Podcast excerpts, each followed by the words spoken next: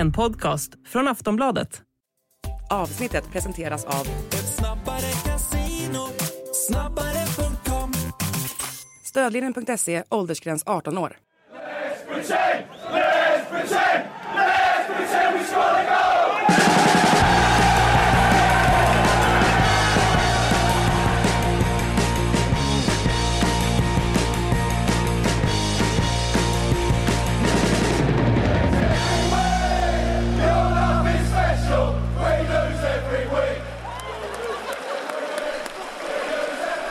Varmt välkomna till Sportbladets Premier League-podd. Makoto Asari heter jag. Det kommer gås igenom Premier League men också givetvis kvartsfinalerna i FA-cupen. Eh, Så det blir både lite av det ena och det andra här efter en minst sagt händelserik helg. Samuel Abrahamsson är med i studion, nu mer i sedvanlig ordning får man väl säga. Ja, Eh, jag sitter så länge psyk inte är med helt Du enkelt. vet inte hur man gör ett ljudprov dock, men det är en annan sak ska jag jag inte kasta dig under bussen för egentligen men, Jo, men bara kör på. ja. När man får frågan vad åt du till frukost så bryr jag mig inte om vad du åt till frukost egentligen. Så det. Nu sågar du mig ordentligt där. Så gjorde jag. Gillar det, det det ändå. det jag tror jag skulle göra. Kör på. Eh, men det spelar ingen roll för Frida Fagerlund är inte på plats i London. Hon är på plats i Stockholm. Här! Ja, det känns bisarrt. Men skönt att eh, se era ansikten för en gångs skull och förhoppningsvis innebär detta att jag inte kommer avbryta er idag. Eller ja, jag kan inte lova någonting men. Nej, framförallt då så har vi hittat någonting positivt med landslagsuppehåll. Att du dyker upp i Stockholm, live och poddar. Bara en sån sak. Precis. Det är jag och Zlatan som kommer tillbaka till Sverige under landslagsuppehållet. Ja okej, resten av hela truppen också. Men, ja. Ja, vi kallade ju för sig poddens Gary Lineker förra gången så det Ja, var väl precis.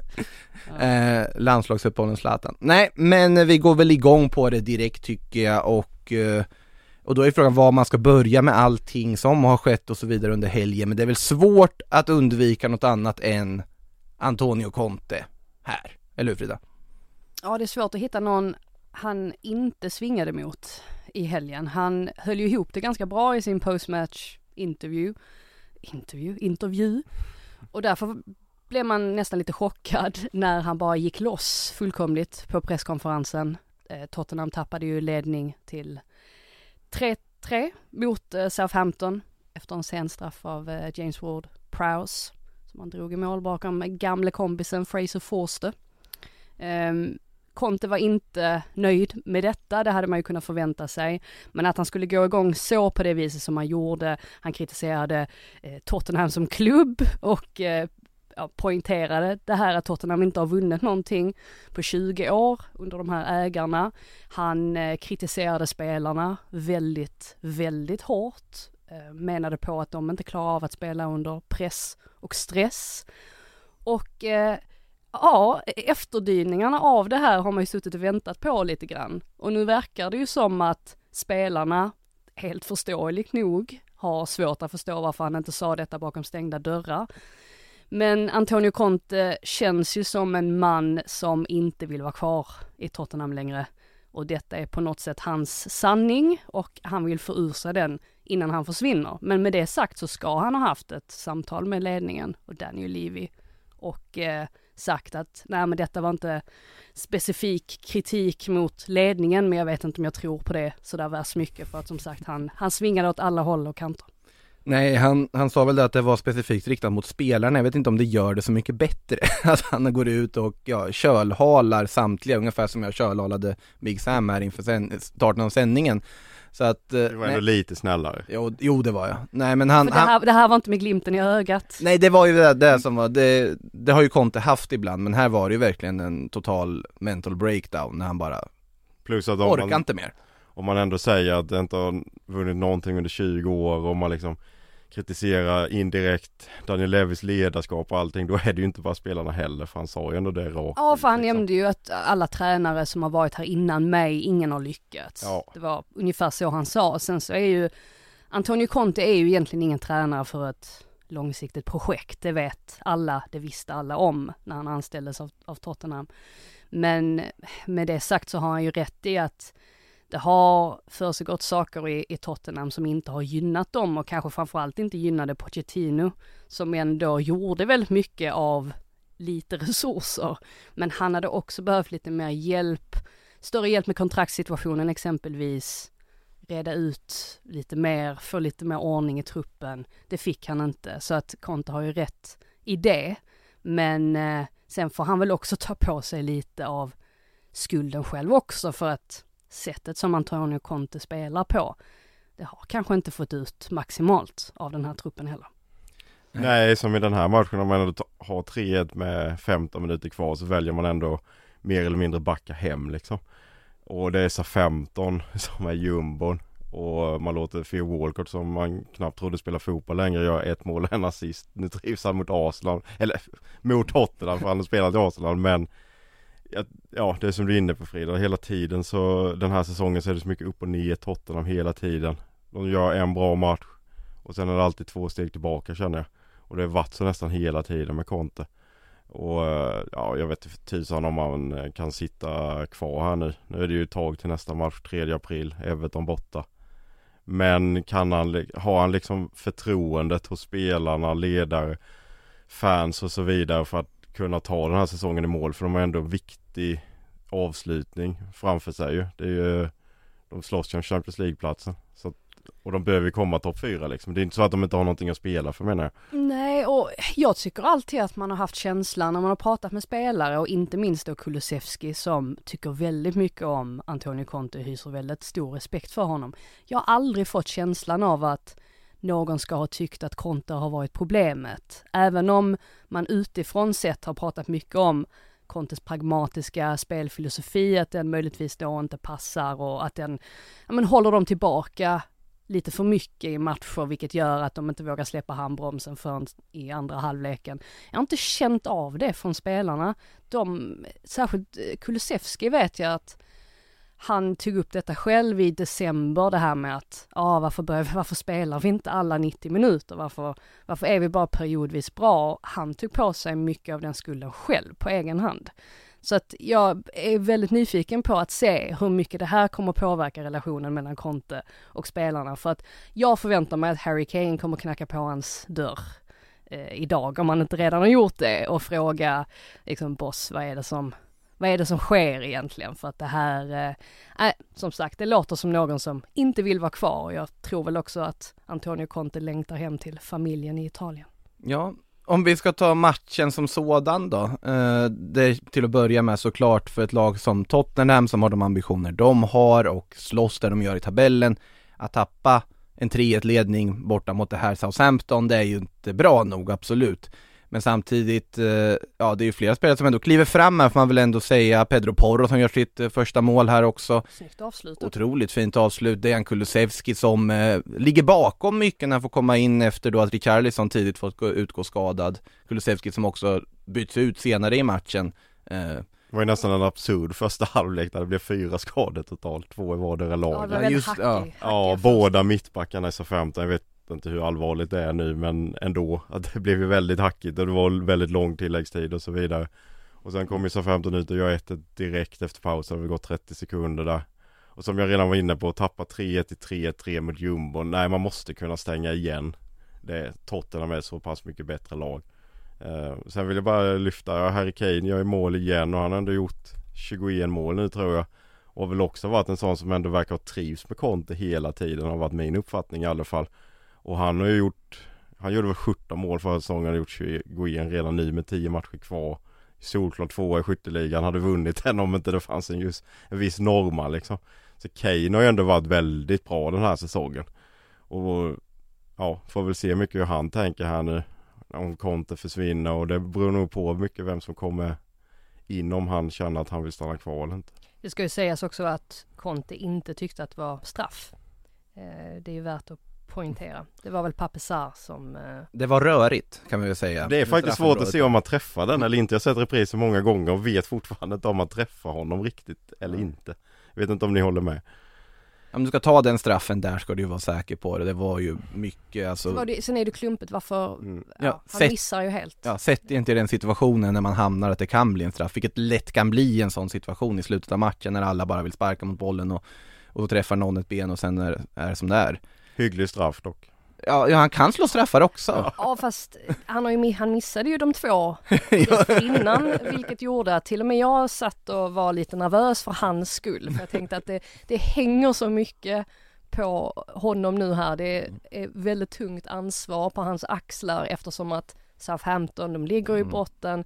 De måste på något sätt få med sig någonting som gör att de får upp tillbaka hoppet för att det är inte kört för dem på något sätt. Nej, även nej. om det känns som att de flesta nog Ja, eftersom att man måste, eller att man gärna vill kunna räkna bort åtminstone ett lag så har väl många varit rätt så inställda på att Southampton kommer nog åka ur men det här ger ju på något sätt dem också lite nytt, eh, nytt liv och energi. Mm.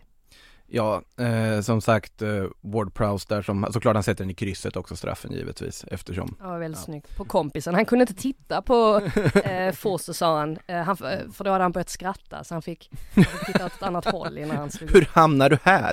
tänker han säkert. Titta på. Eh, Forst är faktiskt med också i engelska landslagstruppen. Mm. Kan vi bara nämna Nick Pope är skadad och Forst är den som har blivit ersättaren. Det såg jag kanske inte komma för några månader sedan. Säger väl en del om vad han faktiskt har gjort, att hur mycket han spelat upp sig här tycker jag när han fått chansen i Spurs-målet. Gjort många väldigt fina matcher där. Eh, sen är det såklart anmärkningsvärt att han bara går rakt in i landslagstruppen kanske med, med Popes skada och så vidare men eh, Måste skänka en tanke till eh, Armel Bella Kotchap också, den första av alla som, eller första av Southampton-spelarna som blev skadad också som nu missar landslagssamlingen där han faktiskt skulle kunna ha fått chansen att att spela också för Tyskland som tog ett väldigt ungdomlig eh, försvarsuppsättning med Rydiger bland andra petade så att eh, där hade han fått chansen kanske, nu har han ju en eh, skada istället och får se när han kommer tillbaka. Tråkigt för Bella Kotchap. Ska vi nämna Kulusevski också? Ja den skadan Jag kanske, är en skada? här och var förvirrad.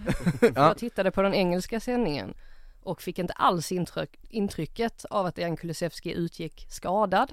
Det är visserligen uppseendeväckande att man både byts in och byts ut, Mm. men jag tyckte att han byttes in så pass tidigt att det nödvändigtvis inte behövde indikera att någonting hade hänt för att, ja, som anledning till att han klev av. Men jag har inte hittat någonting om att Kulusevski skulle ha varit skadad, i alla fall ingen som verkar ha frågat om det. Nu hade i och för sig journalisterna lite andra saker att fråga om efter, efter matchen, men förhoppningsvis, vi får se vad, vad Janne säger här idag, men förhoppningsvis så är det ingen fara med honom. Ja det, det är ju lätt att dra slutsatsen när någon går ut och, i det här läget och det är väl Alltså hade jag varit väldigt glad om det var felaktigt att det var, alla har basunerat på stora trumman i, alltså utan anledning där och att han faktiskt bara gick ut av en, eh, av taktiska skäl. Eh, Vi får väl se hur det är med Dejan Eller säkerhetsåtgärd. i- Ja det kan det ju också vara också. Eller att han hade någon liten känning som inte går att räkna som en skada. Eh, Det finns olika sätt att se på det. 3-3 vart det i alla fall mellan Southampton och Tottenham. Eh, ska vi gå till en annan del av norra London, nämligen till ett lag som mår desto bättre just nu, Arsenal, som under söndagen avfärdade ett tränarlöst Crystal Palace med 4-1. För ja, Patrick Vieira har fått sparken, där måste vi nästan börja egentligen. Normally, being a little extra might be a bit much, but not when it comes to healthcare. That's why United Healthcare's Health Protector Guard fixed indemnity insurance plans, underwritten by Golden Rule Insurance Company, supplement your primary plan so you manage out of pocket costs. Learn more at uh1.com. Meningslösa Pallas utan tränare. Ja, men de, de har väl lyssnat på PL-podden, Nej, men nu, nu vill vi att ni pratar Palace. Ja, och- så nu Här får händer ni! Ja, jag har ju varit, det får jag säga, jag har ju inte varit Patrik Vieras största fan. Mm. Jag är det som, som spelare, jag är definitivt hans fan, men som tränare i Crystal Palace den här säsongen så har jag inte riktigt varit övertygad om att ja, han skulle få ordning på saker och det verkar ju inte heller som att han och Crystal Palaces ledning har kommit särskilt bra överens. Bara en sån grej som att det kom fram nu att han faktiskt var intresserad av jobbet i Leeds säger rätt så mycket Det säger väldigt mycket om att hans relation till Steve Parish och resten av Mm. ledningen kanske inte har varit ultimat. Jag tror att Vera har varit besviken på att han inte riktigt har fått in den sortens spelare som han eftersökte. Eh, De har ju inte riktigt lyckats fylla hålet efter Conor Gallagher som, som återvände till Chelsea efter förra säsongen. Och således har ju på något sätt Crystal Palace inte imponerat under, ja alltså det är ju egentligen bara i ett fåtal matcher under säsongen. Jag kände det här i mötet med Arsenal också att jag tror inte, eller jag är hyfsat säker på att det inte hade blivit någon skillnad om Patrick Vieira hade stått där kontra den andra Patrick som nu stod där. Eh, Fascinerande också att eh, Vieira fick sparken på St. Patrick's Day ultimata, Förnedring. ultimata hånet. Ja. Arsenal-fansen valde ju att hylla honom i alla fall. De sjöng ju hans namn direkt Mm. och det var inte Fabio Vera de menade igår tror jag inte. Under flera gånger under matchen ju faktiskt. Det är ju inte så konstigt heller med tanke på hans spelare.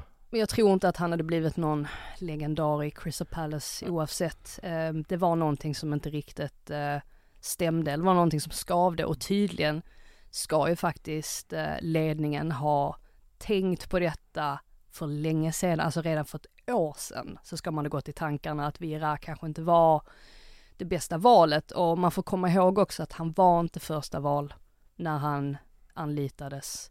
Ehm, det var ju faktiskt både Aaron Nuno var väl eh, egentligen den man helst ville ha. Eh, Lucien Favre var väl också på tapeten om jag inte minns helt fel. Så att det har väl också på något sätt eh, indikerat att Vieira kanske inte har haft den stöttningen som han hade behövt. Jag tycker det är ganska, även om som sagt resultatraden har varit oroväckande så tycker jag ändå ett konstigt beslut att Det är eh, en risk. det är en jätterisk. Eh, noterar ju också att det inte bara är en annan Patrick som tar över utan en pa- Paddy McCarthy från Irland vilket gör det ännu liksom mer passande med St. Patrick's Day. Mm. Eh, men eh, nej, jag, jag, de tar en jätterisk och som sagt det fick ju ingen effekt i alla fall. De fick ingen ny energi av det här för Arsenal var ju klart bättre i den här matchen. Jag, Och ty- jag tyckte Crystal Palace såg ut som de har, de har gjort under hela säsongen. Det här att de blixtrar till, de har spelare som kan göra skillnad. Zaha har ju faktiskt ett gäng bra chanser i den här matchen, bland annat inledningsvis som möjligtvis hade kunnat förändra en del. Men i just den här matchen så är ju Arsenal, de Mm. är bättre. och Bukayo Saka som eh, ligger bakom det mesta får man väl ändå säga Samuel. Ja, man var ju lite sådär eh, hur det skulle påverka att de åkte ut i Europa League i torsdags och straffar 120 minuter benen, två skador på försvarare, ja.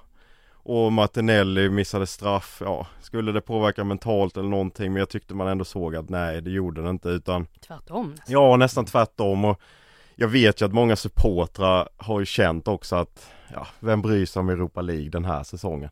Att man gör det om de hade legat liksom på en annan tabellplacering. Då hade man liksom brytt sig. Men nu är det så här. Vi leder ligan med fem poäng. Åtta nu då med City en match mindre. Varför liksom, det är inget att satsa på den här gången. Champions League-platsen kommer man ta genom ligan. Så att så här. Många tycker att nej men då satsar de istället bara på ligan så att man har en match i veckan ungefär och kan liksom gå runt, slippa gå runt på att mer matcher och så vidare. Ja, och det man var ju som sagt lite orolig om de skulle vara trötta efter eh, matchen i torsdags. Men eh, nej, jag tycker de var Ja, det var första kvarten var väl Pallas ändå så här hyfsat med men sen tycker jag att ja, Martin Helle tog revansch på sig själv, gjorde mål Saka två mål en assist Saka också den första spelaren den här säsongen i ligan som har eh, tvåsiffrigt i både mål och assist 12 plus 10 Säger en del om vilken nivå han liksom Sen vem då? Vet du det? Ja Alexis Sanchez va? I Arsenal alltså 2016, 2017. Ja, sen har väl eh, andra spelare i ligan haft eh, typ Salah och De Bruyne och sånt tänker jag. Mm. Men just ja. i Arsenal det, det brukar väl vara någon per säsong Ja precis men eh, sen Arsenal är det ju det eh, Men eh, nej de trummar ju på det, Vi får se när det blir ju spännande De har åtta poäng här nu sen nästa omgång möter City, Liverpool, Arsenal möter Leeds Man räknar väl ändå tre poäng för Arsenal Kan City tappa poäng? Ja då Ja.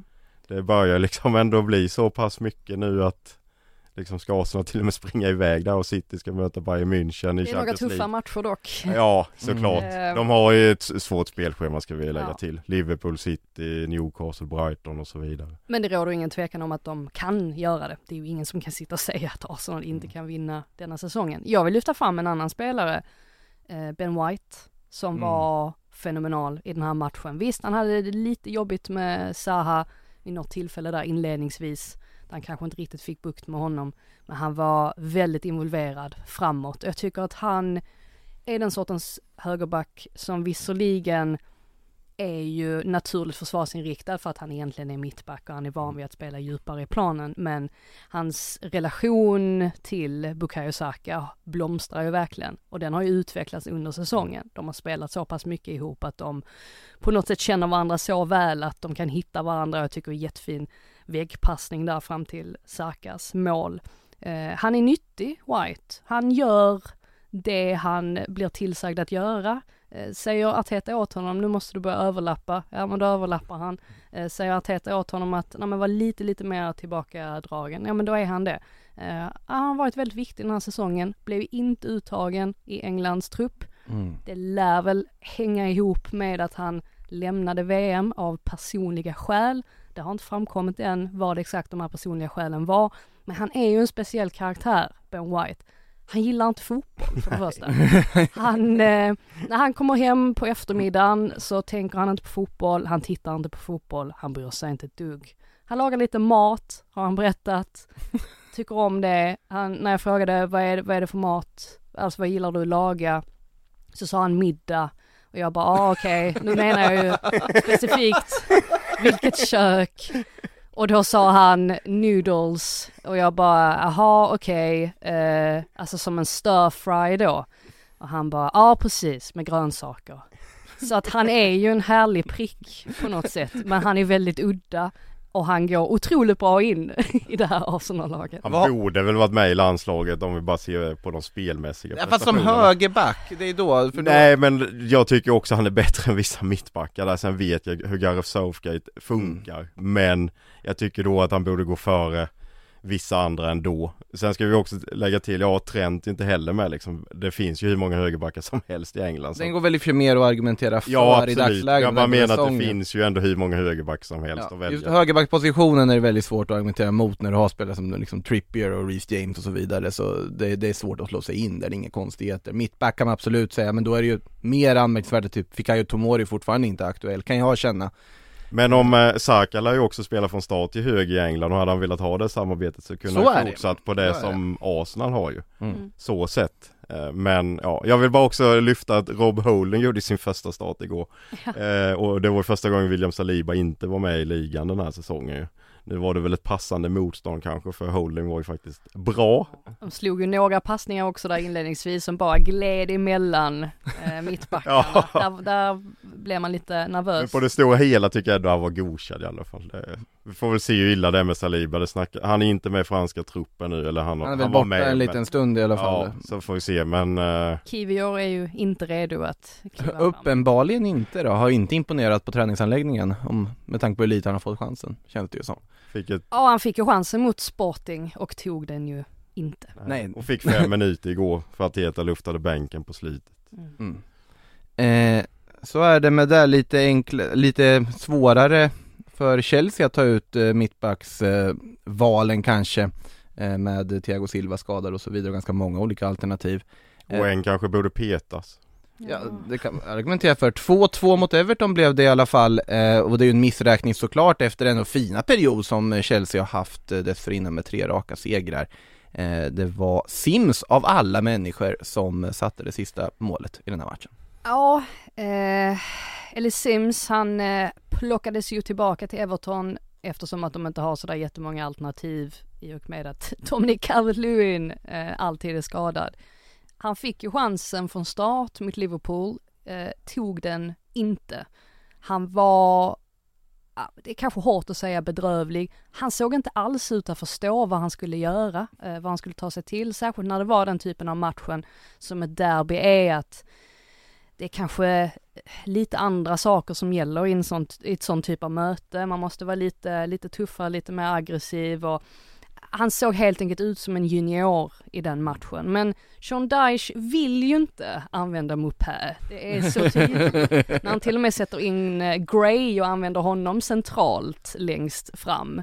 Då förstår man att Mopé är inte den anfallstypen som Sean Dyche föredrar. Sims är ju faktiskt det. Han är stor och reslig och det målet han gör där på slutet, förutom att det är så betydelsefullt för Evertons del som får med sig en poäng därifrån, så är det ju även ett väldigt fint mål. Alltså han trycker ju undan eh, Koulibaly, som vi säkert kommer in på lite mer. Och eh, Kepa, ja, han ska väl göra det bättre, men överlag så var det faktiskt en väldigt stark aktion från Sims sida. Mm. Eh, onekligen otroligt snyggt mål tyckte jag det var. Sen oavsett, det här blir ju Slutsatsen av det hela blir ju att det här är en missräkning för Chelsea sett till vad de skapar och så vidare i den här matchen tycker jag, men samtidigt, nu har de ju börjat få igång lite målskytte. Joao Felix i protokollet, jättefint eh, mål av honom. Eh, och Kai Havert med en straff och mål igen för honom också kommit igång med målskyttet men Det är slarvigt av Chelsea. De ska... det är ju slarv att de tappar det här. Men sen måste man väl säga att de har ju tagit ganska många rätt kliv, eller många kliv i rätt riktning i alla fall. Ja så är det ju men jag tar ju mest med mig då Jag var inne på det, nämnde det men eh, Koulibalys försvarsspel på det där 2-2 målet är ju Och han hade bedrövligt. ändå varit, jag, jag tyckte, jag kände ändå att både han och Kepa att de hade liksom steppat upp lite Ja. på sistone. Men det här var ju definitivt ett fall tillbaka. Ja för han har inte haft någon bra säsong. Jag menar när han kom förra sommaren så pratade vi ändå som en av världens bästa mittbackar. Det är ju så han har rankats i Napoli i många år egentligen. Riktats till storklubbar varje sommar. Aldrig blivit av och så fick han den här flytten.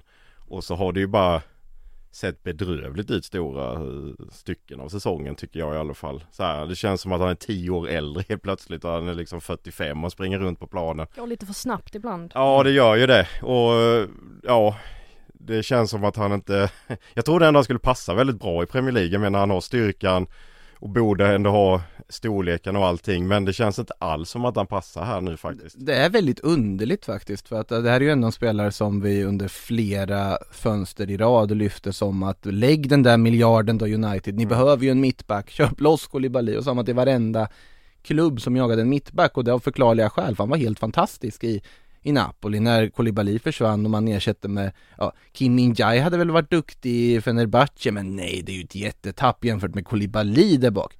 Kim Min-Jae ser ut som en av världens absolut bästa mittbackar den här säsongen, Kolibali har inte gjort det.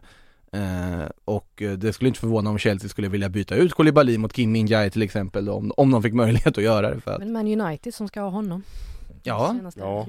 det kan jag Och förstå. Osimhen De Mm. vill ha Napoli Det kan jag förstå varför de vill. Eh, otroligt bra har de ju varit verkligen Napoli som för övrigt vann stort igen i helgen och en, nu också har mer eller mindre öppen gata mot en eventuell uh, CL-final också. Han är väl också typ 32-33 eller någonting va Koulibaly Där någonstans Ja, han Sitter och väl, gissa här men eh, jag tror det är där någonstans han är väl ganska prick 33 va? Ja Nu är inte det här sillypodd, nej 31 vad håller vi på med? Han Jag ser ut jag som tänkte faktiskt 33. säga, jag tror inte han är så. Nej jag är Nej, han ute är på tre- djupt vatten här nu då Ja det, det var på. Oavsett, han har i alla fall passerat 30-strecket och frågan är liksom som du var inne på Makoto, vad kommer hända nu då till nästa säsong? Eh, ser man ändå en framtid att han kan, att han behövde det här året för att lära sig Premier League eller man ska säga eller han liksom Nej det tåget har gått för att de tycker att han är för gammal så att du ska inte behöva lära dig utan du måste vara bra här och nu eller så skeppar vi dig direkt i sommar liksom. Jag tror oavsett vad, alltså han kommer inte vilja sitta på bänken. Nej. Exempelvis. Alltså hade Thiago Silva varit hel så hade han spelat. Mm. Och eh, jag tycker ändå att Badia Chile har sett bättre ut. Wesley Fofana har ju faktiskt också kommit igång lite mer så att Koulibaly är inte ens han är ju inte i, eh, ja, något av första valen så att säga. Lån till Inter i sommar när de ska ersätta Skriniar. Men det är ju Lindelöf som, Nej Ja, just det det, vi ska in, Lindelöf ja men de behöver kanske både två, en och två mittbackar för De Frey ska ju också bort Ja, okej, antar jag. ja. Så att det, det ena utesluter inte nödvändigtvis det andra. I och för sig inte har ju inga pengar ändå men eh, vi får väl se vad det blir. Men annars har man ju Badia Chile, Fofana är väl det som man ska bygga det kring framöver. De är ju värvade på sikt för att vara det mittbacksparet också. Om man nu håller fast vid en trebackslinje får väl Thiago Silva köra ett år till när, när han är frisk igen. Eh, så är det Chelsea 2-2 alltså mot Everton. Många mål den här helgen i de matcher som spelades får man ändå säga blev eh, flest, av mål, flest mål, ja det var ju 3-3 mellan Southampton och Tottenham men 2-4 i mötet mellan Wolverhampton och Leeds. Och Wolves är väl inte mest sura egentligen på att de släpper in så mycket mål utan de har ju varit väldigt sura på domarkåren, eller hur Frida? Flexibility is great. That's why there's yoga. Flexibility for your insurance coverage is great too. That's why there's United Healthcare Insurance Plans. Underwritten by Golden Rule Insurance Company, United Healthcare Insurance Plans offer flexible, budget friendly coverage for medical, vision, dental, and more. One of these plans may be right for you if you're, say, between jobs, coming off your parents' plan, turning a side hustle into a full hustle, or even missed open enrollment. Want more flexibility? Find out more about United Healthcare Insurance Plans at uh1.com. ja det är väl alla, alla är sura på alla. Eh, när Diego Costa är den som är lugnast förstår man att, eh, Stoppar Matteus Nunes från att ja då har det gått för långt. Ja, blir man nästan orolig. Ja precis. orolig för Diego Costa blir jag. Ja det är det jag menar, det är det jag faktiskt blir då. Ja. Ja, det var en väldigt stökig match. Eh, Lopetegui var inte nöjd eh, efteråt av eh, förklarliga skäl för han tyckte ju att Wolves spelade tillräckligt bra för att få Mm. med sig någonting här. Och ändå förlorar man med, med 2-4. Gracia var inte lika upprörd, även om han faktiskt också hade kunnat vara upprörd över vissa grejer. Eh, Craig Dawson kunde möjligtvis ha åkt ut. Det var en väldigt eh, ful tackling han fick på, men det var ju till slut Johnny Otto som hade en, eh, ja, fascinerande match. Det var högt och lågt, så att säga. Det där målet han drar till med, när han ser Mm. att eh, Melier står lite för Helt okej. Det var helt okej. Det påminde om Gonsalves eh, mål Mm. i Sportings möte med Arsenal. Och Två sådana mål på tre dagar i England, det är ändå otroligt. Ja, Att, det, att det är det, fast Johnny, det var värre. Ja, Gonsalves jo mål absolut. Var, var Men ändå liknande mål i alla att fall. det är så. Johnny av alla människor som slår till med det också. Det. Ja, och sen så gör han den här, eh, för den här tacklingen på Eiling var det väl, Ja, som var allt annat än snygg. Och- det är korrekt, tycker jag. Det är inget att snacka om att eh, när man ändrar det till rött därefter också. Det Lopetegui, det han var allra mest upprörd över var väl vid ett av målen där Adama Traoré blir dragen i tröjan. Traoré slutar spela, var på Leeds fortsätter att spela, får in det där målet. Nu säger jag bara målet för jag kommer inte ens ihåg i vilken ordning det var. Det, var, för många, mål. Ja. Men det var i alla fall ett signifikativt mål. Mm. Och eh, det var ju där då, där Nunes tappade Ja. och fick rött kort för att han protesterade i den situationen. Så att det var väldigt mycket stökigheter. Lopetegui ville, han ville ha med sig straff också, eller ville ja, det var Junior Firpo som eh, var skyldig där någonstans där de ville ha något också. Ja, Semedo var det väl som. Mm, precis. Ja. Jag tyckte väl inte att den var, den var inte solklar. Det var ingen solklar straff men Wolves har väl gått så långt som att de menar att det här nästan är systematiskt mot dem. För de har ju gått ut här och sagt att det är den här matchen, det är den här matchen, det är den här matchen och menar på något sätt att det är domsluten som håller på att skicka ut dem ur Premier League och om du börjar ta den slutsatsen då är du ganska illa ute i botten skulle jag säga. För att alla lag kommer ju hävda att de liksom, Marcus Silva hävdar samma sak. ja, det frågar Mikael Arteta eller Erik Ten Hag eller Antonio Ja. Conte eller vem som helst så tycker de att domarna är emot dem i så fall. Mm. Lite så är det ju. Men det var ju också så här, Leeds vinner och de tog typ steget upp fem placeringar i tabellen. Så jämnt är det i botten. Ja, det, det kanske de åkte så- ner någon placering för att Everton spelade efter och tog en poäng. Men liksom, jag vet i alla fall, jag tänkte på det verkligen att de vinner mot ett annat bottenlag och gå upp från nästjumbo till att gå upp på typ 15 plats. Liksom. Den här bottenstriden måste vara den eh, ja, det är tätaste någonsin. Alltså jag kan inte komma ihåg att det har varit så här dramatiskt någon gång Nej för tidigare. nu är det ju upp till Pallas liksom och Ja. de ligger 12 Så många lag som är Mm. inblandade. Så åtta lag. Det är ju Mm. otroligt faktiskt. I alla fall skönt att se att Javi Gracia har eh, tagit sitt förnuft i fånga här nu och eh, startar med Mark Rocca nu med i alla fall. Då är du Assist nöjd idag. i alla fall. Ja det är jag. Startat Mark Rocca två senaste, fyra poäng. Så nu, nu är de igång Leeds.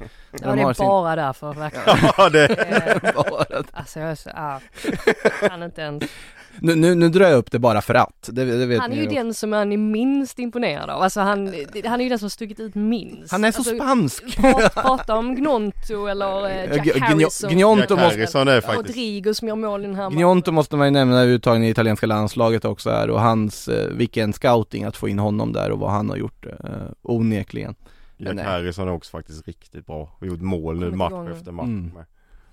Nej de, de har något på gång här Leeds och eh, De har viktiga matcher här. Jag vet inte om ni har sett spelschemat. Eh, Jag vet att de har Arsenal nästa, sen har jag inte så bra koll. Nottingham Palace. Arsenal, ja. Forest, Crystal Palace, Liverpool, Fulham, Leicester, Bournemouth. Alltså Mm. där snackar vi en, en, ja, några riktigt eh, tunga veckor här framför sig. Tre raka hemmamatcher efter bortamöte med Arsenal också. Det blir fest på Ellen Road under april, eller sorg beroende på hur de där matcherna går. Eh, vi har någon mer match att avhandla i Premier League-väg innan vi går in lite snabbt på FA Cups eh, händelserna som vi har haft. Vi ska se, det är ju givetvis Aston Villa storseger som vi ska avhandla. Eh, avfärdar enkelt eh, Bournemouth får man väl säga här och eh, jag brukar sitta här och säga det, Unai Emery har fått ordning på grejerna och det kan man väl säga ännu en gång här för här var det ju alla i offensiven egentligen som bidrog till det här. Ja men så är det. Alltså det jag tyckte var mest intressant om man nu ska kika på vad det är Unai Emery har gjort sedan han tog över efter Steven Gerrard så var det ju när Aston Villa mötte Bournemouth förra gången under säsongen så valde Gerrard att bänka i stort sett alla spelare som är bra i luften och då tänker jag på, ja, vilka var det vi? Det var Mings, Bundia, Watkins. alla de spelar i den här matchen och är det någonting som Aston Villa har blivit betydligt bättre på sen Emery kom in så är det att de är bättre på att försvara sig på fasta situationer. Och det var något som de hade väldigt stora problem med tidigare. Så att sådana här små grejer som Emery har justerat som gör att de på något sätt, det är inte det här att de lutar sig tillbaka och, och spelar på, eh, ja, försöker minimera risker och spela på ren mm. säkerhet utan de ligger ganska högt med backlinjen och sorts 4-2-2-2 offensivt. Och jag tycker att eh, det Emery har gjort är ju framförallt att ha stabiliserat och polerat dem lite mer. Vilket gör nu att de ligger, ja, helt plötsligt väldigt bra till i tabellen och det hade man kanske inte sett komma riktigt, i alla fall inte under Gerards sista tid. Mm. Man undrar ju vad eh, Lucas Lukas Ding sitter och funderar på på bänken samtidigt också som nu, numera har Ludvig Augustinsson-rollen i eh, Aston Villa för Alex Moreno har ju tagit den här vänsterbackspositionen till sin också. Eh, I alla fall här i mars månad. otroligt intressant fall from grace för Ding som för, ansågs vara en av de bästa liksom poängfötterna på vänsterbacken i hela ligan nästan i Everton blir på något underligt vis hamnar i kläm med Rafa Benitez, lämnar för Villa och nu petad i Villa. Han har ju haft problem med skador också. Ja det är också men, ihåg, men likväl. Och Bournemouth vinner mot Liverpool, förlorar här 3-0. Mm. De Väntat. är, ja, ja verkligen och de är verkligen så här upp och ner liksom då när de slog Liverpool börjar man tänka ja men de kanske klarar sig nu. Men och så gör de det här och nu känner jag att nej men de kommer åka ut. Det är liksom det är vecka till vecka. Så med nästan alla bottenlagen. Fint att se David Brooks tillbaka. Ja verkligen. verkligen. Matchen sedan oktober 2021. Verkligen fint att se honom tillbaka efter. Han var ju sjuk. Ja. Eh, och kommer tillbaka och eh, det är man ju väldigt glad att se varje minut som han får på en fotbollsplan igen såklart. Eh, Brentford Leicester 1-1 Ska vi väl också avhandla innan vi går in på den här mm. FA-cupen. Eh, Starkt av Leicester. Jag menar Brentford har ju bra form. Svårspelade hemma. Ja, de får väl vara glada med att de får en poäng i en sån här typ av bortamatch ändå någonstans. De har ju också förlorat typ 4-5 nu såg jag inte den här matchen så noga. Nej jag, tyckte, jag tänkte säga att Leicester är nog inte så jättenöjda med att bara få med sig en poäng. Mm. De skulle ha fått med sig alla tre. Men det är lite grann så det är med Leicester just nu, att det går hela tiden lite stolpe ut. De har lite otur med, med saker och ting. Eh, alltså en grej som man eh, faktiskt reagerade på här, det är ju att Brendan Rodgers har ändå försökt han har försökt förändra så mycket han kan, alltså han har testat fram och tillbaka och hans senaste grej är ju att han nu har petat Danny Ward. Ja, ligans sämsta målvakt enligt mig Och, och låtit Daniel Iversen få mm. chansen, som kanske inte är riktigt klar än, men eftersom att han är dansk så hoppas de givetvis på att det här är ny Kasper Schmeichel. Så att, eh, ja han hade lite otur där målet han släpper in. Men jag tycker att överlag, han var jättemycket hjälp av eh, Harry Suter som faktiskt har varit mm. bra sen han eh, kom till Leicester. Eh, återigen så hamnar man lite i det där att Leicester kommer nog klara sig, men man kan inte riktigt leva på den meningen nu när det mm. är så tätt där nere. Då måste man få med sig de här tre poängen. Och där, eh, ah, där har de haft oflyt, alltså riktigt oflyt på, på sistone får man säga. Mm. Måste notera att eh, Pontus Jansson kom tillbaka här också eh, med ett kort inhopp och han hann ju bli, bli, slå skallen blodig redan bara på det korta inhoppet när han nickade ihop med Ben Mi eh, Så det var ett välkomnande tillbaka på en fotbollsplan onekligen för Pontus Jansson kan man väl lugnt konstatera. Någonting man kan säga om Brentford är väl kanske att eh, Gareth Southgate satt ju och eh, beklagade sig över att, eh, vilket jag tycker är lite ironiskt med tanke på att man kom från Sverige, men Southgate beklagade sig över att de har så få vänsterföttade vänsterbackar som har kommit fram i England. Och då sitter man och tänker på oss som, alltså Ludde Augustinsson är ju solid men vi har inte, det, det dryper inte av ytterbackar mm. över, överlag för svensk del. Men eh, då kan ju Rico Henry kanske lyfta på armen och säga att ja men här, jag är ju vänsterback mm. och vänsterfotad och har faktiskt gjort en rätt så fin säsong. Om det är någonting han måste förbättra så är det hans poängskörd, han måste göra fler assist. Eh, men kan han ja, förbättra de områdena i sitt spel, då tror jag nog att han potentiellt kan vara ett alternativ för England i framtiden. Ja, det har väl pratats lite till och med om det, att han skulle kunna kunna kliva in möjligt. Försöker väl hypa det, hypa det själva. Ja, så kan det ju vara i och för sig Men, också. eh, nej men absolut, jag tycker att han är, ja, eh, tycker att han är, han är rätt så, rätt så spännande Mm. spelare och han, ja han är 25 så att han är inte superung men han har ju Mm. utvecklingspotential fortfarande. Tagit jättekliv i år om inte annat. Mm. Eh, vidare till FA-cupen då, vi var inne... Nej, nej, nej. Nej, hej! Nu hade vi väl en fredagsmatch där en svensk... Åh, jag glömt två mål. fredagsmatchen igen! Alltså, Vi fick ju och skit för någon också, vecka sedan att vi glömde en fredagsmatch, ja, men nu jag glömmer må- vi en alltså, fredagsmatch Ja men de måste sluta, att- de måste liksom sluta med fredagsmatcherna. Alltså jag glömmer, jag Isak glömmer, gjorde två mål. jag glömmer bort fredagsmatcherna, alltså Ja. det är helt sjukt. Och såklart vi inte ska glömma den här, Alexander Isak, hallå! Ja, Ja. det tänker att vi borde ändå säga någonting om. Alexander the Great som rubriken löd dagen efter i tidningarna. Ja det, Ja, Det är ju extra välkommet också att han gör de här målen nu, har gjort två matcher i rad precis nu innan landslagsuppehållet såklart ju. Eh, och det första målet är ju faktiskt ett otroligt avslut tycker jag. Han kommer liksom lite fel. Men får ändå så pass kontroll så att ändå få in den i hörnet där. Jag tycker det är så bra var, det gjort. var kul, han blev lite förnärmad eh, för att de hade ju Friday Night Football, som studion var på plats på, eh, på arenan. Så att han fick göra intervju efter matchen med Carragher, Neville och Kelly Cates och jag tror det var Kelly som påpekade att, eh, eller hon, hon bara sa så här förbifarten, ja det var väl inte riktigt med mening så. Då såg man på isen att han bara, var visst med mening. Det var klart det var med mening. Det var ju ett jättesnyggt avslut att han var, ja, väldigt så. eh, jag tror det var med mening för det såg ut som att han liksom kom lite fel men då fick Jag han bara ställa om kroppen. eh, ja, men han, han har ju den där förmågan att nästan liksom så här Alltså liksom nästan bläckfiskliknande kunna använda sina långa ben och komma till såna här avslut som kan se ut som att han inte menar men de är helt menade. Mm. Så jag är helt övertygad om att det där var, gick precis där han hade planerat att den bollen skulle gå. Sen stod han ju- för en assist också, som var väldigt fin men som det inte blev någonting av eftersom att det målet Mm. blev bortdömt för offside. Vad, vad tycker vi om det? Vi har en fråga från Swedish Magpie faktiskt här på Twitter att eh, Elliot Anderson då blir ju berövad på sitt första mål för Newcastle för en offside. Vill gärna höra era tankar kring situationen ur en objektiv synvinkel. Ja, det har kanske inte Swedish Magpie i sammanhanget.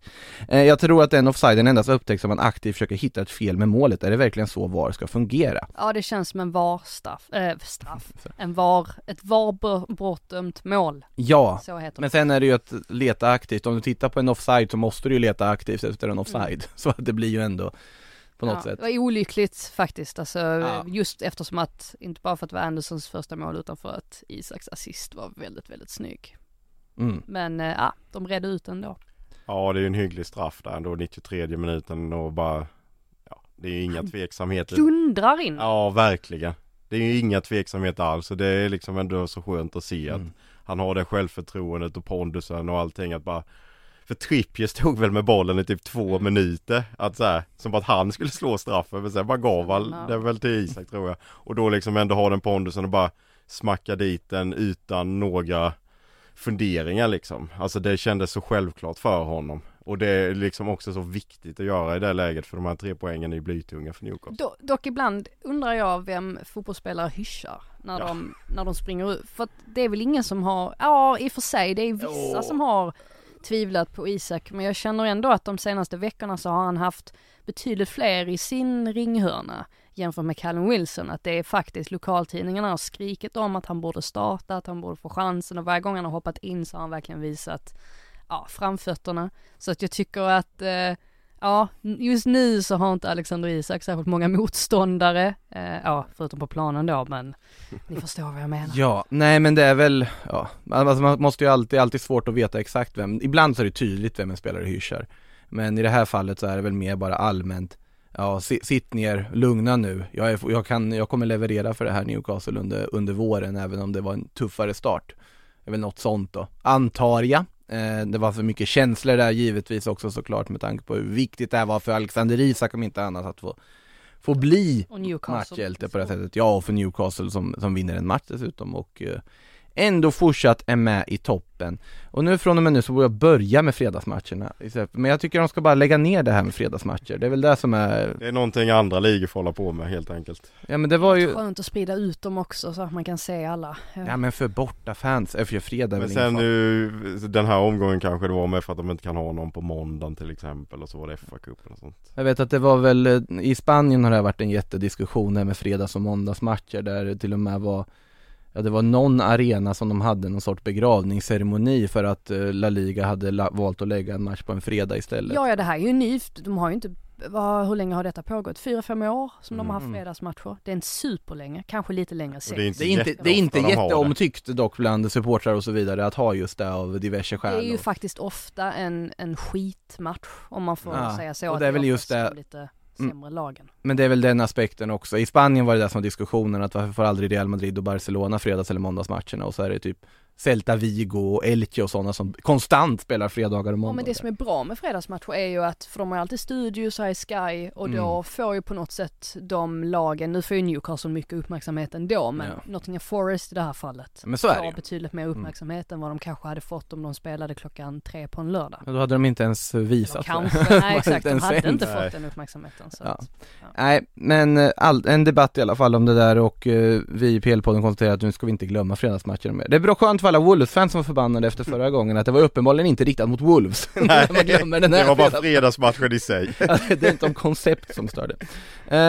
Eh, fa Cup då, om vi går dit. Bra Samuel att eh, stoppa mig där från att eh, göra samma misstag igen. Eh, på tal om att vara arg på domare, Aleksandar Mitrovic, han eh, kan man väl lugnt eh, konstatera var i blickfånget när United vann mot Fulham med 3-1. Christian Sigurdsson frågar här, har någon gått från hjälte till syndabock så snabbt som en viss serb igår? Eh, ja, det har väl säkert hänt, men det var ju anmärkningsvärt eh, fall from grace from hero to zero från, för Alexander Mitrovic.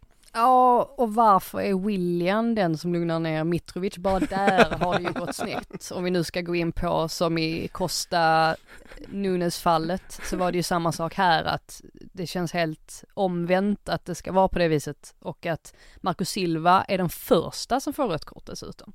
Alltså William var väl den sista egentligen.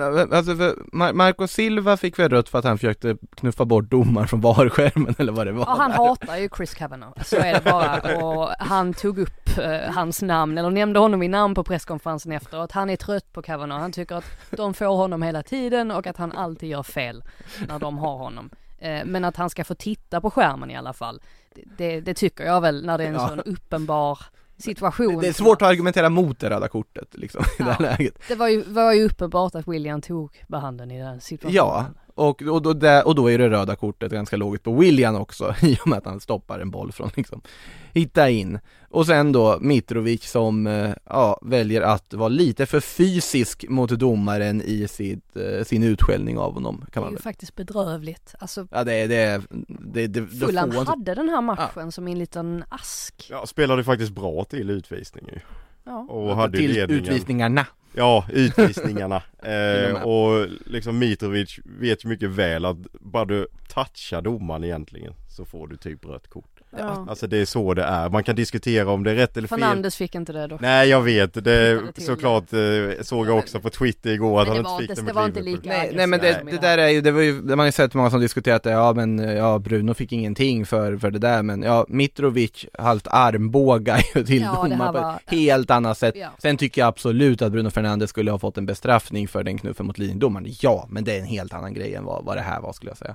Jag bara menar att de är väldigt beskyddade där och spelarna vet ju det liksom Liksom att du ska inte ens röra dem för att då åker oftast det röda upp liksom. Ja han kommer ju få matcher, Och, och flera visst, matcher hur arg du än är så liksom måste du ju ändå kunna behärska det lite i alla fall. Sen, sen är ju det här Alexander Mitrovic. Absolut. Det, det är ju på något sätt honom hela den här matchen. Det, det är honom som Han har ju- karaktär, som fotbollsspelare. Det är, Har ju också haft det tufft nu ju sen VM. Jag har ju knappt gjort ett mål. Så Mm. fick han göra det här nu idag. Solomon har ju stulit hela rampljuset där. Ja men han var Mm. bänkad igår ju faktiskt. Mm.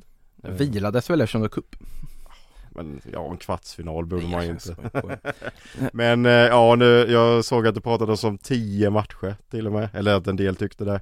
Mm. Jag vet inte, 10 kanske jag tycker ändå är dock Det lite är alltid väl. samma människor som Ja. tyck, som drar till. Alltså Med tio. tre, tre matcher kan jag tycka räcker. Om man ska ta en jämförelse, det enda jag kommit på på rak arm som de har fått 10 matchers avstängning för Det var när Pepe borrade in dobbarna på Casquero i Real Madrid Getafe för typ 12 år sedan Jag vet inte om ni minns den när han stod och använde Casquero som en dörrmatta Den, den, gav, den gav 10 matchers avstängning Men jag, ty- jag tycker ju snarare att det är Fulham som ska stänga av honom i tio matcher. Ja. Nej men det är ju att han har ju orsakat Fulham mer skada på något sätt än någon annan. Alltså han har gjort att de på något sätt kastade bort en gyllene Ja, för, chans. för det här är ju inte en handling om att någon har gått in för hårt i en duell eller på något sätt gått för långt i sitt försök att göra något bra för laget. Här är det ju Mitrovic som spårar ut Ja, på är eget bevåg. Ja, och det var precis. inte ens han som var inblandad Ja. i situationen. Han skulle ju bara ha Mm. hållit huvudet kallt. Men det är för mycket begärt Mm. kanske när det, när det gäller honom. Sen att det är Sabitzer som gör det där målet Alltså det är så snyggt. är väldigt snyggt. Det var oväntat. Ja. Är det otroligt vacker klack från Sabitzer och som sätter då 2-1 och sen är det ju Bruno Fernandes som sätter straffen innan den 2-1 och även då slutresultat definierande 3-1 på Men det är, ju, det är ju tydligt att Man United mm, ställer upp med ett mittfält med McTominay och Sabitzer. Det är inte riktigt samma sak som Casemiro och eh, ja, Eriksen eller Fred till och med. Eller vem det nu än är. Han kom ju in sen i alla fall Fred. Mm. Eh, Det är inte riktigt den balansen kanske som eh, man är ute efter. Känns ju en sån här match som man hade velat se en spelare som typ Pelistri få lite mer speltid, eller Lang eller något sånt där också. Nu gick de ju vidare och såklart kuppen är jätteviktig för United också för att ta en titel men lite överraskad ändå över Och ingen Lindelöf. Nej, heller. det är inte det det är heller. tydligt var han står i hierarkin, tyvärr. Ja, det, blir det ingen flytt i sommar så blir man ju väldigt förvånad. Ja, Alltså, jag nu, fattar- han behöver ju speltid. Jag fattar att börjar- Maguire också ska få sin speltid men jag menar Hade väl kunnat Mm. våga köra både Maguire med Lindelöf Jag menar de har gjort jättemånga matcher innan tillsammans Men det är väldigt tydligt att Lindelöf Ja, Ten Hag Ja, han vill inte ha honom kvar egentligen Fast han vill ju det för han vill ha backupen. Om han, I hans drömscenario så är Lindelöf nöjd med att sitta i den här rollen, vara en viktig figur utanför planen och vara, vara bra för truppen.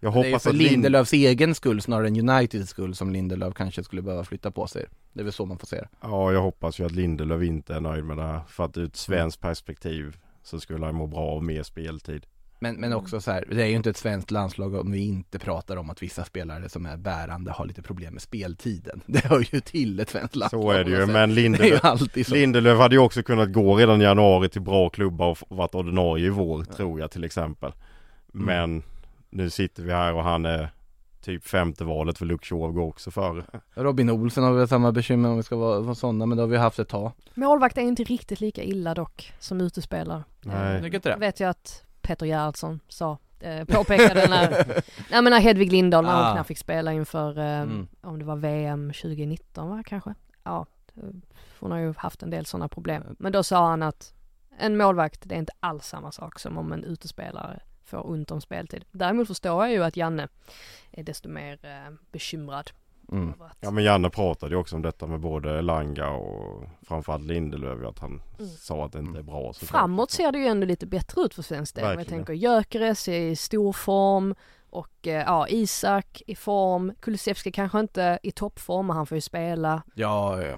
Det, det ser ju inte helt, ehm, helt magert är det inte framåt, det är väl bakåt som man är Sla- lite bekymrad. Zlatan Ibrahimovic från start.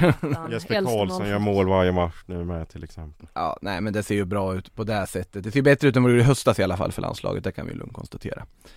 Eh, vidare i FA-cupen, det var ju som sagt kvartsfinaler som spelades, eh, en annat Manchester-lag hade det Ja, desto mer komfortabelt får man väl ändå säga, nu vart det komfortabelt för United i slutändan ändå eh, Men City som avfärdade, ja, Championships svar på Manchester City får man väl säga, Vincent Kompanis tiki-taka Burnley med hela 6-0 Jag är så besviken. ja, ja, ja. Nej men jag satt och tänkte att eh, Burnley kan nog göra någonting här tänkte jag. Och de startade matchen väldigt bra också. Mm. Man tänkte att här, här händer det grejer. Ja, och sen leder City med 2-0 i halvtid för att Haaland har gjort två mål. Det, det är så det brukar, Alltså, brukar gå på något sätt. City har ju bara gjort 13 mål förra veckan och Haaland gjorde 8 av dem så att det är ju nästan absurt Al- Alltså på alla note- sätt. notera här att Burnley han ändå skrapa ihop 420 passningar i den här matchen. Det är ganska bra siffra för att förlora Det är inte som. Burnley när City mötte dem förra gången. Och som sagt jag var, nej, jag var riktigt eh, imponerad. Alltså där inledningsvis tyckte jag så särskilt så här Nathan Tella utmärkte Det sig var och riktigt bra sista tiden de, det var ju många som blev chockade, alltså redan i premiären var det Hull de mötte, möjligtvis, Championship-premiären. När Company på något sätt hade bara klivit in i Burnley och man visste ju om att de var väldigt präglade av Sean Dyche Mm. fotboll. Och han på bara några månader lyckades vända upp och ner på hela den spelfilosofin och eh, har verkligen implementerat sina, ja, sitt sätt att spela fotboll på för att det är ju väldigt inspirerat av Pep Guardiola men alltså, även hans tidigare Mm. tränare som Pellegrini och Ja. Mancini för den delen. Så att han har ju tagit lite av varje från dem och han är väldigt, eh, han påminner lite om Guardiola i det här att han, eh, han är ganska, jag skulle väl inte säga att Guardiola är känslokall, men Guardiola har väldigt svårt att uttrycka känslor och det är därför det kan bli rätt konstigt ibland när han sitter och drar upp Julia Roberts på en presskonferens efter en, en seger som han gjorde nu i, i Champions League när de krossade RB Leipzig, att han Mm. är lite sådär all over the place. Han, han har inte riktigt den förmågan att veta när det är rätt läge att ta upp saker. Company är ju också lite så här att han är han är inte nostalgisk, han hade ju inte ens varit och sett sin staty. Han hade varit på Etihad sen, efter, alltså på ett par matcher sådär, han brukar gå och se lite matcher men han har liksom inte alls varit borta och, och kollat på den och så, han är inte den typen av, av spelare. Eh, väldigt så fokuserad och koncentrerad på det som ska göras här och nu. Eh, så att, eh, nej, vi får väl se. Guardiola givetvis sitter och säger att kompani är en framtida Man City-tränare, men det trodde de väl om Vera också, så att vi får kanske lugna oss lite, men eh, av det man har sett hittills så eh, imponerar kompani verkligen som tränare. Det blir kul att se Burnley i Premier League nästa säsong med kompani kvar. Om inte annat se vad de skulle kunna göra där. Eh, tänk- tänkte också på det, det var ju någonting vi inte nämnde med hela Contes utbrott. Det var ju inför matchen där när han sa Vi har också haft Julia Roberts på besök, på tal om en jättekonstig debatt som dök upp efter det där. Underliga Pep Guardiola. Ja, jag, fa- jag fattar inte alls. Äh, det är, det är otroligt underligt alltihopa som pågick. Eh, Hjalmar Ekdal får vi kanske nämna, han Tyvärr brukar ju inte vara, ja, han brukar ju vara en startspelare för Mm. company och man visst förstod väl inte riktigt vad som hände där när han försvann helt plötsligt ur truppen Mm. helt, men det ska ju vara en liten skada så att det är oroväckande för svensk Mm. del också med, på mittbackspositionen för att Isak Hien är ju inte heller riktigt fit. Mm. Så att just nu står vi ju med Lindelöf och så vet vi inte riktigt vem, vem han ska spela bredvid. Nej, det blir intressant att se. Kanske ändå skönt för Ekdal sett till hur matchen blev i alla fall, slippa vara på. Sant. Slippa möta Erling. Om man tänker så menar ba- Ja. bara. Nu, nu blir ju Erling utbytt igen här eh, med dryga timmen spelad. Pep Guardiola sa väl att det var för att han inte skulle slå Lionel Messis fa Cup-rekord eller vad det var. Alltså. Ja men det är också sådär, Va- va- då tycker han, i hans huvud är det jätteroligt. Ja, och alla bara, vad, vad menar du nu? Ja, alltså det, det var ju ett uppenbarligen svar på att Haaland hade gått ut efter matchen mot RB Leipzig och sagt att han ville fortsätta spela för att han ville slå rekord Ah, och sådär. Och då, då, ska, då trycker bara Guardiola in det och det blir lite sådär konstigt för att har man inte kontexten så förstår man ju kanske inte var han fick det ifrån. out of Nej, context han är- Guardiola. Ja, Ja. Eh, ja, de vann i alla fall med 6-0 och Erling Haaland gör ju mål. Eh, några som fortsätter också dominera och ser väldigt starka ut är ju Brighton. 5-0 mot Grimsby. Det var väl inte så här jätteöverraskande kanske att de eh, avfärdar Grimsby som de gör. Men ja, man måste ändå hylla en spelare som till exempel Evan Ferguson som, ja, det är en, det är en juvel de har hittat där. Ja, nej men så är det. Det roligaste är som sagt alltså Grimsby, att de ens var där. Ja, var det ju- helt osannolikt. Det, det toppade ju nyheterna, eh, alltså lokalnyheterna Mm. där. De ligger alltså på hade- 15 plats i League 2 ska vi Ja. komma ihåg. Slog ut sig 15 i förra omgången. Precis, och efter att de slog ut Southampton så toppade det toppade lokalnyheterna. Eh, var tvungen att se dem då för jag tänkte att det, nu kommer det vara mycket Grimsby och det, det var det verkligen så att det har ju betytt mycket för, eh, för Grimsby att de har gått så här långt men att de skulle slå ut Brighton det trodde man väl inte. Eh, lite roligt i det här fallet är ju att eh, Roberto de Cherby börjar fundera på om han ska skaffa säsongskort istället för att stå nere längs sidlinjen för att han var uppe på läktaren igen nu de vann med 5-0 och förra gången han satt uppe på läktaren så vann de med 4-0. Så att han, eh, han känner att det börjar kanske bli ett segerrecept det där att han inte står där nere, han låter spelarna göra sitt ute på planen för att det går uppenbarligen alldeles utmärkt. Robert Sanchez tillbaka i mål med kan vi bara notera. Ja men det är cup nu så Ja, plockar så de du- in honom. Stil är ju Ja, uppenbarligen någon första valet. Ja, Sanchez var dock med i landslagstruppen den Ja det är klart ändå. han var. Eh, Kepa också för övrigt. Men ingen de Gia antar jag. Nej det var väl Kepa, Robert Sanchez och Raya om jag inte minns fel. Så det är rakt Ingen av Simon. Premier League. men Simon skadad. Ja, Okej, men de Gia alltså petad trots att det är en ny förbundskapten. Jag tycker ändå att de Gia är en av Spaniens tre bästa målvakter. Men med Ja. fötterna som... Jo men vad fan, de har Jag- tillräckligt med fötterna där ändå. Han är Jag- bäst på att stoppa Jag tycker inte bollar. Robert Sanchez ska vara där till att börja med. Nej, han är bäst att stoppa bollar av alla de målvakterna Nu de fanns det i och för sig väldigt mycket lovande i den här eh, spanska landslagsgruppen måste jag säga. Jag var väl otrolig, men det var 11 kvar från VM-truppen tror jag. Jag gillar ju David Raje, så Mm. jag är på hans. Men de Gia borde ju varit med istället för Robert Sanchez till exempel. En, eh, ett spontant quiz här, på tal om Grimsby. Kan ni nämna de tre svenskar som har spelat för Grimsby? Mm. Antagligen inte. Martin Pringle är en av dem, 20, 2002, två Gammal matcher. Charlton-legendaren. Ja. Och sen har vi Ludvig Öhman, han som tidigare var i Kalmar och även i Japan en sväng, har gjort en sejour i Grimsby och även Sebastian Ring. Ja just det. Sebastian Ring var den jag mindes och uh, men därav att jag googlade detta. Men vad märkligt att man, att det, ja det har hällt. Nej men jag, ja, Sebastian Ring, Öhman hade jag med- missat För det hade här är ju nutida exempel. Äh, förutom Ja, ja. Pingle då, det var ju ett tag sedan. Ja det hade varit elakt om jag så här jättegamla exempel här och slänga upp ett quiz. Det var ändå spelare man på något sätt Mm. minns i nutid. Eh, Eh, Min, min pappa gör detta så ofta mot mig när han ringer upp. Eh, åh, eftersom att jag var i Coventry tidigare i veckan. Åh, vilka svenskar spelat i Coventry? Så måste man... men det får du ju lägga en arbetsdag på, lista alla. Edman. måste man sitta där. och- Ja. Ja. Men jobbar inte du med det här som man får höra så fort man inte kan svara på någonting? Du ska ju kunna sånt här. Nej, jag har inte koll på vilka tre svenskar som spelat i Grimsby Town genom åren. Nej. Ja, Ludvig Öhman var där, han gjorde 30 matcher till och med för dem i alla fall. Eh, den gamle Nagoya-backen. Jag fick vi in honom också. Nu en fa Cup eh, kvart till att avhandla och det är ju för att Sheffield United, The Blades, är vidare också och de tvingas ju möta City väl också till och med, de blev lottade mot dem. Ja, en speciell match för Tommy Doyle får man säga, som ju har sina gamla an, eller gamla anor. Han, Gamla han är utlånad från Manchester City och hans, både hans farfar och morfar representerade Manchester City på 60-talet och är det Mark Doyle han heter?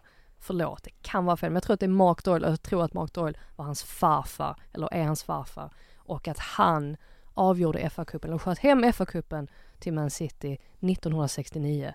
Återigen, ta mig inte på orden, men jag tror att det är så det ligger till. Så att en eh, speciell match för Tommy Doyle framförallt. Mike Doyle ja, grandfather tidigare. Så jag sa Mark, men det var nära. Du, eh, du, du var mer rätt än vad jag hade varit på det här i alla fall.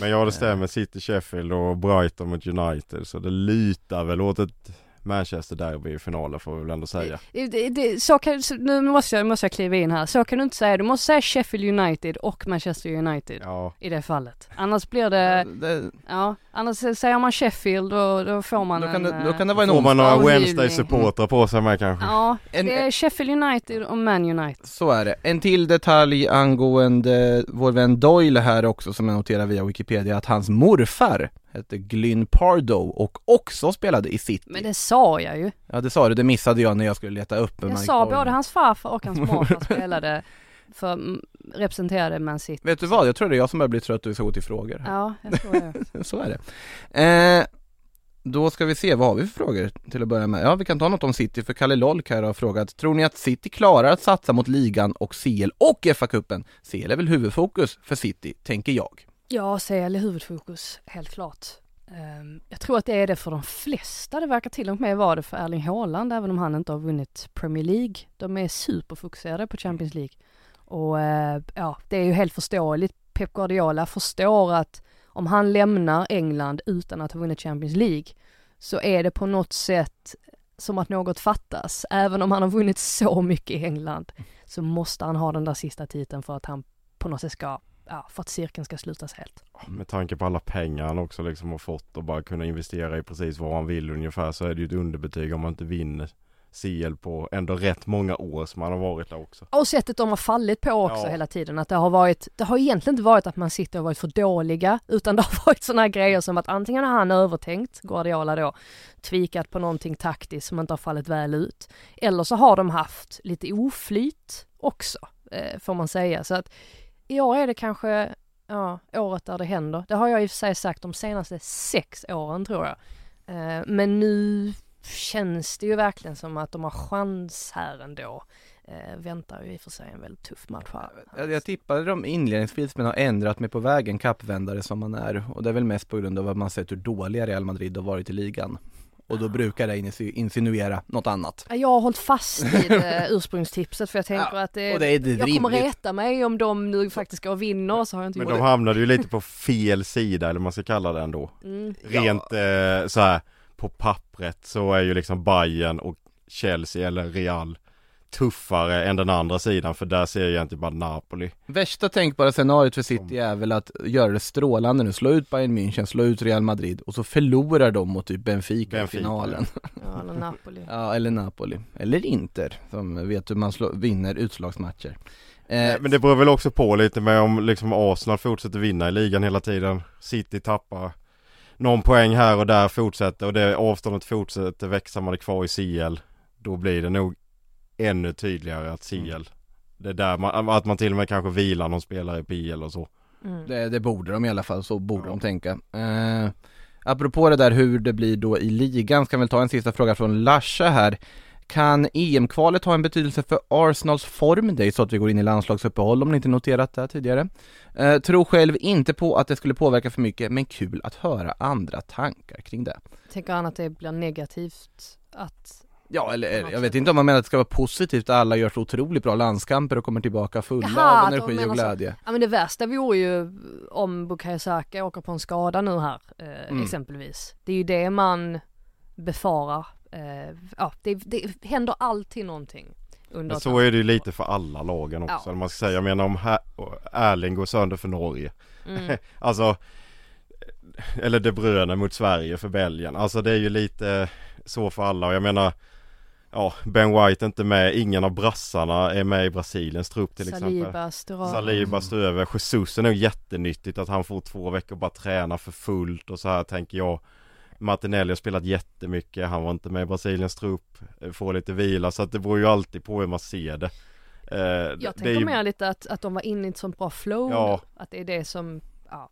Det är klart att det kan stoppa upp men det är ju även, jag menar City också en rätt bra streak just nu så att eh, ja jag tänker att det är väl eh, Alltså är du i ett bra lag och en bra form så tror jag inte det är så farligt faktiskt. Mm. Nej, vi får väl se vad som händer. Det är som sagt landslagsuppehåll som väntar. Mycket kan ju hända då. Eh, Alla Premier League-klubbar sitter säkert och håller alla tummar och tår för att spelarna ska spela så lite som möjligt, slitas så lite som möjligt och framförallt inte skadas. Med det sagt har det blivit dags att runda av dagens eh, Sportbladets Premier League-podd. Stort tack Samuel, stort tack Frida, kul att ha dig här på plats. Alltså det är tusen gånger roligare att podda när man sitter i samma Vad rum. gör du i England då? Kvar här och podda istället. Flyga hit varje måndag Frida. Ja, där Ja. sitter jag och man får huvudvärk för att man är så här, ja. Ja, Får man argumentera. ser någon, alltså man pratar rakt ut i tomma intet och man hör lite svajig lina och nej, det här var underbart. Ja, härligt. Det hoppas vi att vi får göra igen snart. Eh, och vi hoppas ju såklart att vi får göra med Patrik Syk snart också som ju kommer tillbaka för, eller senare inom snar framtid också ska ju tilläggas. Med det sagt, stort tack alla lyssnare också och på återhörande. Du har lyssnat på en podcast från Aftonbladet. Ansvarig utgivare är Lena K Samuelsson.